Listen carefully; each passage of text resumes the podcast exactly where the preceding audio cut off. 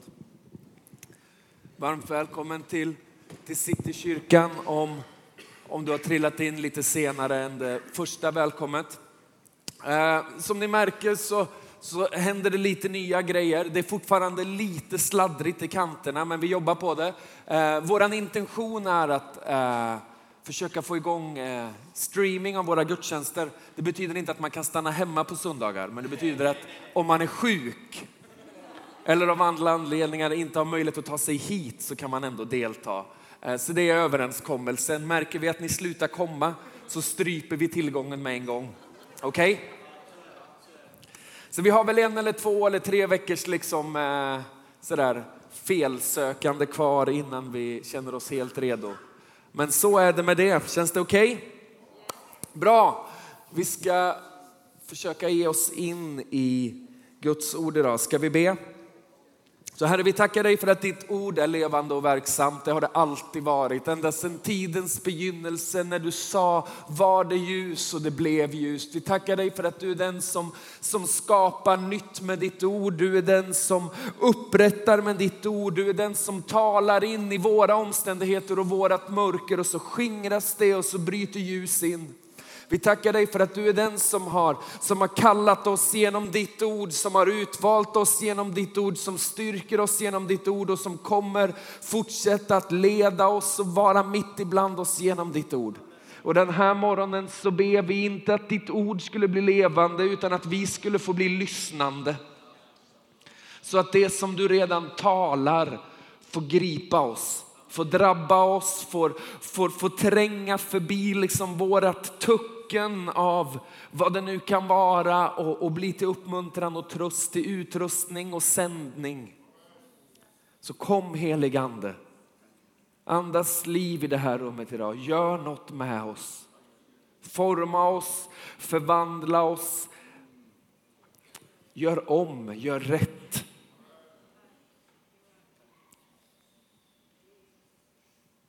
I Jesu namn. Amen. Amen. Ge mig själv lite mer plats bara. Jag heter Alfred för er som inte känner mig. Jag är en av eh, pastorerna här. Eh, så är det med det. Har ni fått hälsa på varandra idag? Nej. Jorge flyttade igår. Jorge och Rosa flyttade igår så att de eh, har haft fullt upp med det. Det tillhör varje god söndag att ge Jorge ett litet tjuvnyp. Kolla där uppe har de redan börjat hälsa. Varför har inte ni börjat?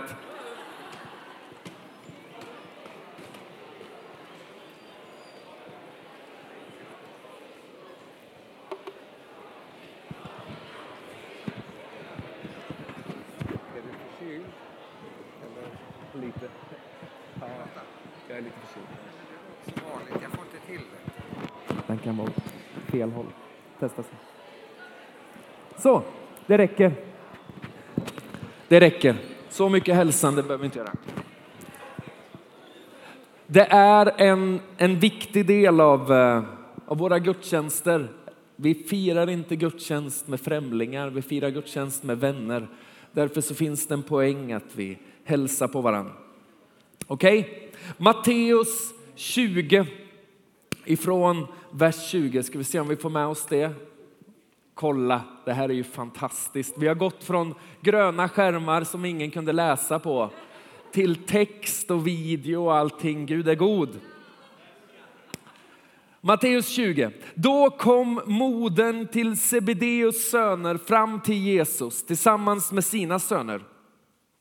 Hon föll på knä och ville be honom om något. Han frågade henne, vad vill du? Hon sa till honom, lova att mina båda söner här får sitta bredvid dig i ditt rike, den ena på högra sidan och den andra på din vänstra. Jesus svarade, ni vet inte vad ni ber om. Kan ni dricka den bägare som jag ska dricka? De svarade, det kan vi. Jesus, ja. Jesus sa till dem, ni ska få dricka min bägare, men platserna på min högra och min vänstra sida är det inte min sak att ge bort. De ska ges åt dem som, åt dem som min far har berett dem för. När de tio andra fick höra det blev de upprörda över de båda bröderna. Men Jesus kallade, till dem, kallade dem till sig och sa, ni vet att folkens ledare beter sig som herrar över dem och att stormännen härskar över dem. Men så ska det inte vara bland er. Nej, den som vill vara störst bland er ska vara den andras tjänare och den som vill vara främst bland er ska vara den andres slav. Så har inte heller Människosonen kommit för att bli betjänad utan för att tjäna och ge sitt liv till lösen för många. Det här är så vitt vi vet världshistoriens första curlingförälder. Eller hur? Mamma får tag i sina pojkar och så säger hon kom så går vi. Vad ska vi göra? Vi ska prata med Jesus. Varför? Ska fixa lite bara. Jag kan tänka mig att de är lite sådär motvalls, inte helt med på vad som ska hända och så hör de hur mamma säger, kan du spara de bästa platserna till de här två? Och det är liksom sånt mammor gör, eller hur? Det är så mammor beter sig. De vill det bästa för sina barn. Inget konstigt, ingen skugga faller över henne. Men sen så är Jesus så där besvärlig som bara Jesus kan vara.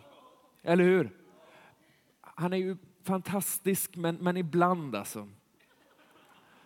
Så tycker man liksom att han bara lite mjukt och försiktigt kunde svara, du vet som, som konflikträdda Alfred gör och säger, ja men vi får, vi får se. Vi tittar på det. Ja, men det, ja. De kommer få bra platser, det, det är ingen fara. Alla ser, det är så väldigt bra byggt i himlen förstår ni, så, att det, så det är ingen fara, det behöver du inte vara orolig över. Man kunde önska att han valde någon sån diplomatisk väg, eller hur? Något som liksom får henne att känna sig trygg och det känns bra och som gör att lärjungarna inte behöver liksom vara för skamsna när de går därifrån. Men, men, men Jesus gör inte det. Han är ju jättebesvärlig. Nej, den som vill bli störst bland er ska vara de andras tjänare.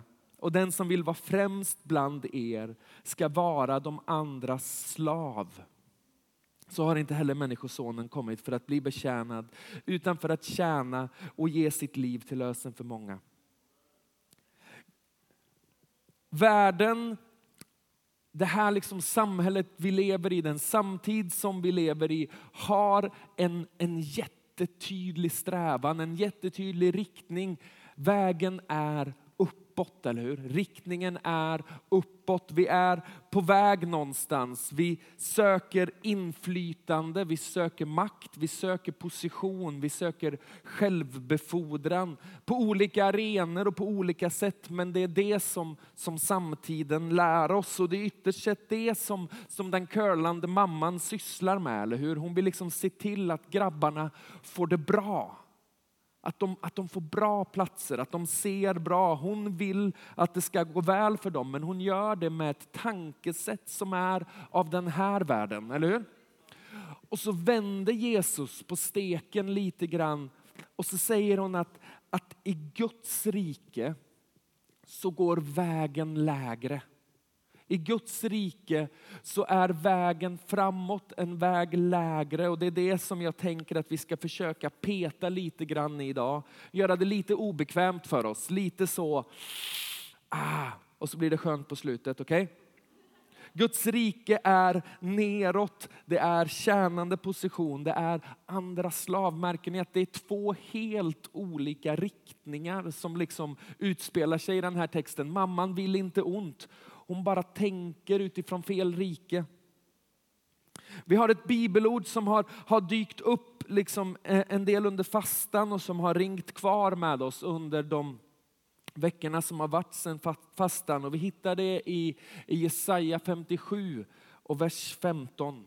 Det står så här. För så säger den höge och upphöjde, han som tronar för evigt och som heter den helige. Jag bor i det höga och heliga men också hos den som är förkrossad och har en ödmjuk ande.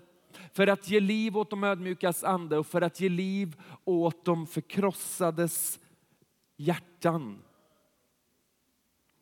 Var bor Gud? Gud bor i, i det höga.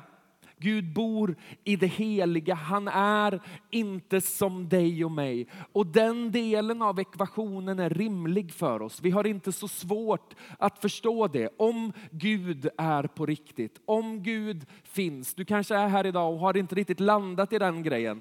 Men om han finns så borde han vara stor, eller hur? Det, det, tycker vi liksom är en, en rimlig föresats. Det har vi inte så svårt att omfamna. Men vår Gud är annorlunda.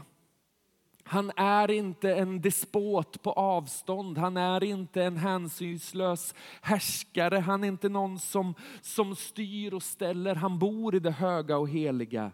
Men också hos den som är förkrossad och har en ödmjuk ande för att ge liv åt de ödmjukas ande och för att ge liv åt de förkrossades hjärtan.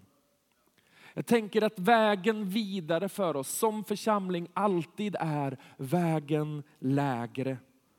Det vi längtar efter kan vi aldrig skapa själva. Det vi längtar efter kan vi inte prestera. Det finns två ord som, som sticker ut i, i den här texten. Och vi behöver bara definiera vad jag tror att de handlar om i just det här sammanhanget. För ni vet att stoppar vi in fel innebörd så, så blir liksom läsningen därefter också. När han säger förkrossad i det här fallet så, så, så är det inte primärt liksom äh, mitt liv är i spillror, mitt liv är kaos. Det är inte det som händer här. Utan förkrossade något av att hans hjärta har drabbat mitt hjärta. Jag har fått tag i någonting av hans nöd för en omständighet, för en situation, för en person, för en församling, en stad som gör att någonting liksom går sönder på insidan av mig. Kan ni känna igen den känslan? Hur Gud helt plötsligt på något sätt lägger sin börda på mig och så känns det som att jag går sönder, men det är bra. Hänger ni med på den?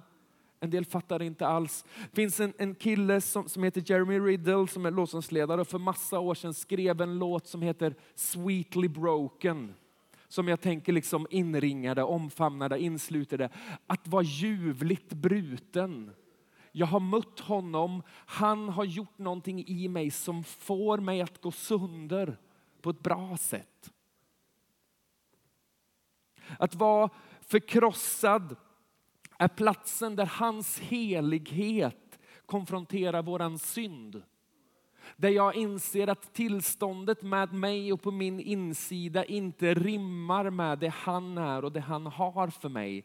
Och så går jag sönder på grund av avståndet. Det är inte dåligt, det är vackert. Men, men har vi en fel bild av honom så får det oss att fly ifrån honom. När vi har förstått att han är god och nådig får det oss att springa till honom. Att vara förkrossad är när vår otillräcklighet förändrar hur vi ber och vad vi ber om. När vi inser att det här som vi vill göra och det här som vi vill vara, det han kallar oss till och det han har talat om, det går ju inte. Eller hur? Det går, det, det går inte. Vi kan göra fina program, vi kan liksom styra upp saker till en viss gräns, men men låt himlen komma. Liksom. Det, det, det, går inte, jag kan inte göra det. Hur ska vi be? Jag ber så här, att himlen ska komma.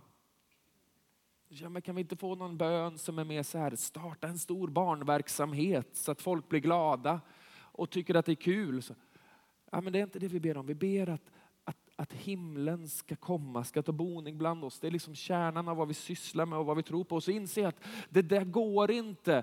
Och så ignorerar jag det och så struntar jag i det. Och sen så kommer jag till en punkt när jag inser att men det är det han vill. Det är det han längtar efter. Och så börjar det förändra hur jag ber. För jag håller på att bli förkrossad. Jag håller på att få något av hans hjärta som börjar prägla och märka mitt hjärta. Hänger ni med på min tanke? Förkrossad, ödmjuk ande när vi inser att vi inte räcker till. Eller hur?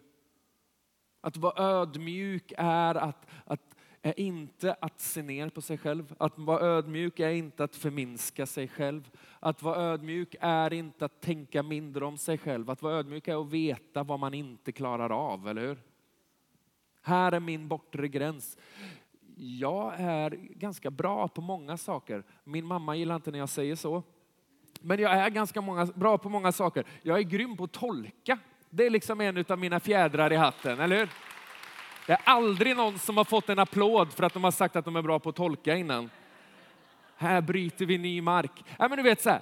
Men det, det är hjälpsamt, men det kommer inte förändra någonting. Jag kan vara trygg i vad jag kan. Jag kan vara glad över vad jag kan och vad jag förmår. Men jag behöver vara medveten om vad jag inte kan. Jag behöver vara medveten om det som bara Herren förmår, eller hur? Jag behöver bevara min ödmjukhet. Att vara ödmjuk, ha en ödmjuk ande är när vi inser att allt hänger på Jesus. När vi på riktigt ber, låt din vilja ske. Jag tänker att, att, att de här två grejerna och den här passagen är, är viktig för oss. Den kommer vara viktig för oss. För Herren bor hos dem som har ett förkrossat hjärta och en ödmjuk ande. Och vill vi som församling liksom ta oss från den punkten där vi är idag, som, jag grät en skvätt under lovsången. Jag tänker att det här är liksom fantastiskt. Du vet, vad fint det är, vad god Jesus är. Hans närvaro är ju alldeles lysande underbar och att få vara tillsammans med er är inte så tokigt heller. Men det är inte himlen på jorden. Det är inte allt vi längtar efter. När jag går ut genom dörrarna så är staden jag möter fortfarande trasig, eller hur? Jag har mött honom och det är inte dåligt för det gör att jag blir en bärare av någonting. Jag har, har sett någonting men det finns fortfarande ett avstånd mellan det som vi ser och det som vi är kallade att vara och göra. Och det glappet kommer vi aldrig kunna fylla genom att spänna musklerna lite till, genom att försöka lite hårdare, genom att starta ett program till och köra kaffeliv sju kvällar i veckan. Det är inte så det går till, även om det kanske är tillämpningen så småningom. Men vi tar oss inte fram genom att försöka mer. Vi tar oss fram genom att hans hjärta får drabba vårt hjärta. Genom att vi inser att det här är ju fullständigt omöjligt och det får oss inte att ge upp. Det får oss ner på knä för vägen framåt är vägen lägre. Hänger ni med mig?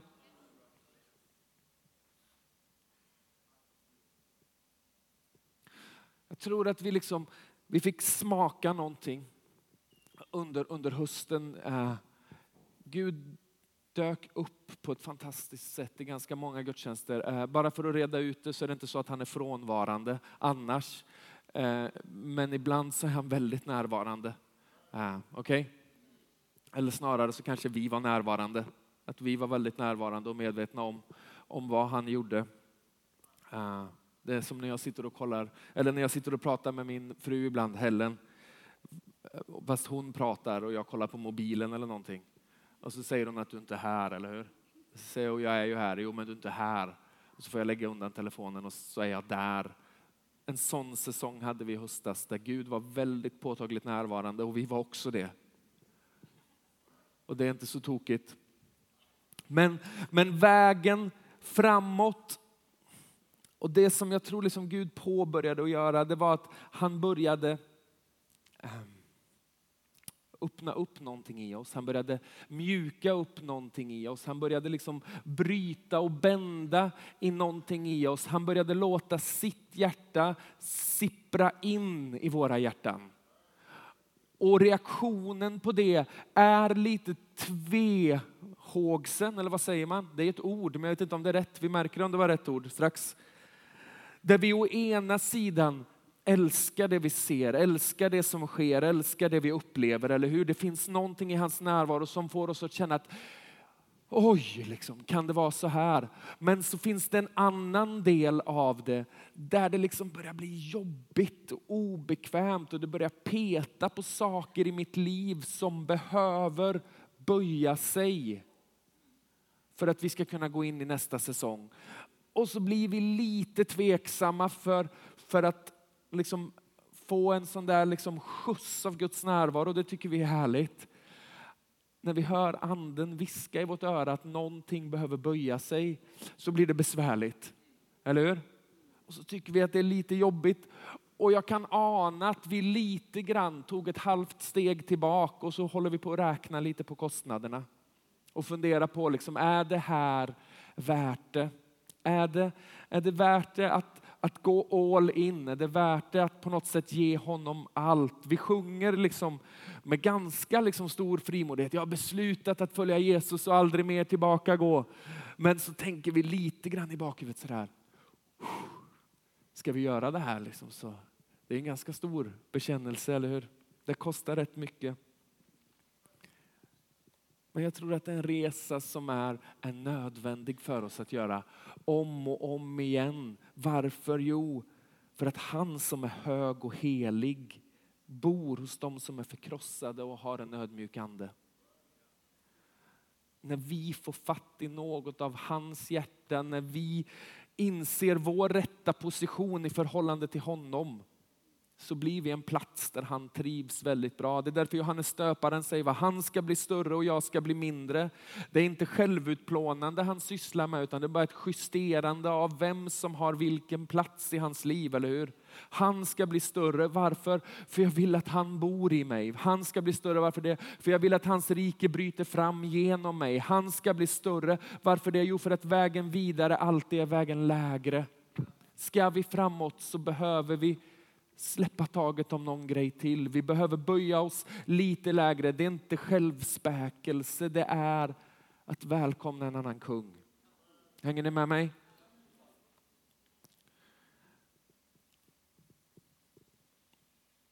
Lyssna på det här. Matteus 5, vers 5. Saliga eller lyckliga är de ödmjuka, för de ska ärva jorden. Saliga är de ödmjuka, för de ska ärva jorden. Lyckliga är de som vet att det inte hänger på dem utan vet att det hänger på Herren. För de ska ärva Stockholm.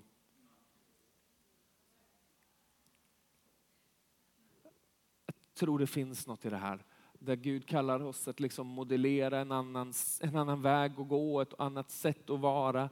Där vi inte liksom försöker pumpa upp oss själva som kyrka.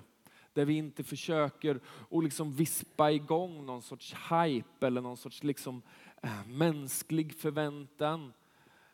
Utan där vi snarare ivrigt manar på varandra att våga kapitulera lite till Våga böja oss lite lägre, våga ge honom lite mer utrymme och lite mer kontroll i våra liv. Så att hans rike kan bryta fram i oss och genom oss. Är det begripligt? Sen när kvinnan kommer till Jesus och så säger hon, kan mina söner få de bästa platserna? Så, så menar hon inget ont i det. Men hon har inte riktigt förstått hur Guds rike funkar, eller hur? För den som vill vara störst bland er ska vara de andras tjänare och den som vill vara främst bland er ska vara den andras slav. Det är Guds rike. Guds rike är vägen lägre. Vi kallas att att överlåta mer, att, att böja oss mer, att, att ge mer så att han kan göra någonting genom oss.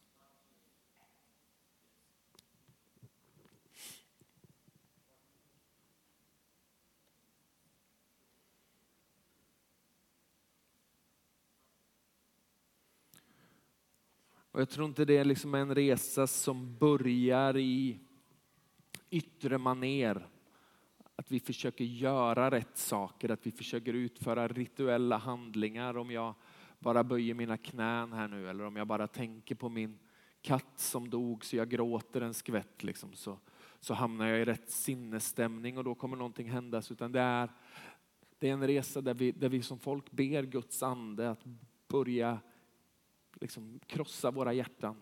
Börja mjukgöra våra hjärtan för det som får hans hjärta att slå. Där vi säger Drabba oss med din kärlek till den här staden. Drabba oss med din nöd för den här staden. Din nöd för mina vänner, mina grannar eller vad det nu kan vara. Kom och låt mig bli så upptagen av det som du är upptagen med att det förändrar hur jag lever mitt liv. Det är ingenting vi tar oss, det är någonting han gör med oss men som aldrig kommer ske med oss om vi inte låter honom göra det. Är det begripligt?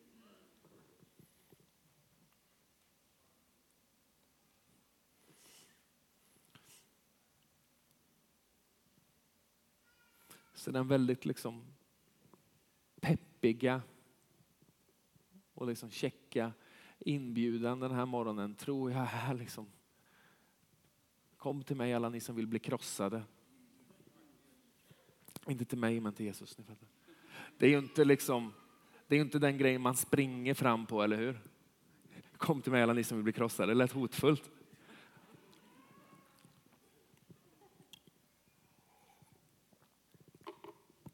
Det är ju ingen, det är ingen kul grej att göra. Och liksom för, för mitt egos skull så är det ingen toppeninbjudan att göra. För att det blir ju alltid mer folk här framme när vi har någon sån lite sockrig liksom inbjudan än när vi har en inbjudan till att dö. Uh, men jag tror att det är vägen vidare för oss på riktigt.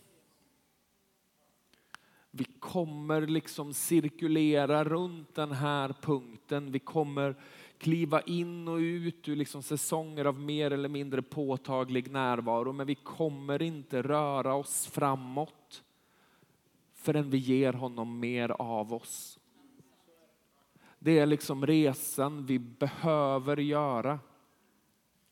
Och det fina är att, att bytet är svindlande bra. Jag ger honom lite mer av mig och så bor han i mig. Så tar han sin boning i mig.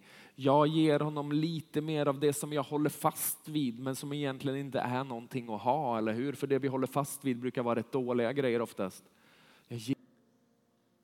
Att bara göra något åt det. Och vi kommer att öppna här på sidorna.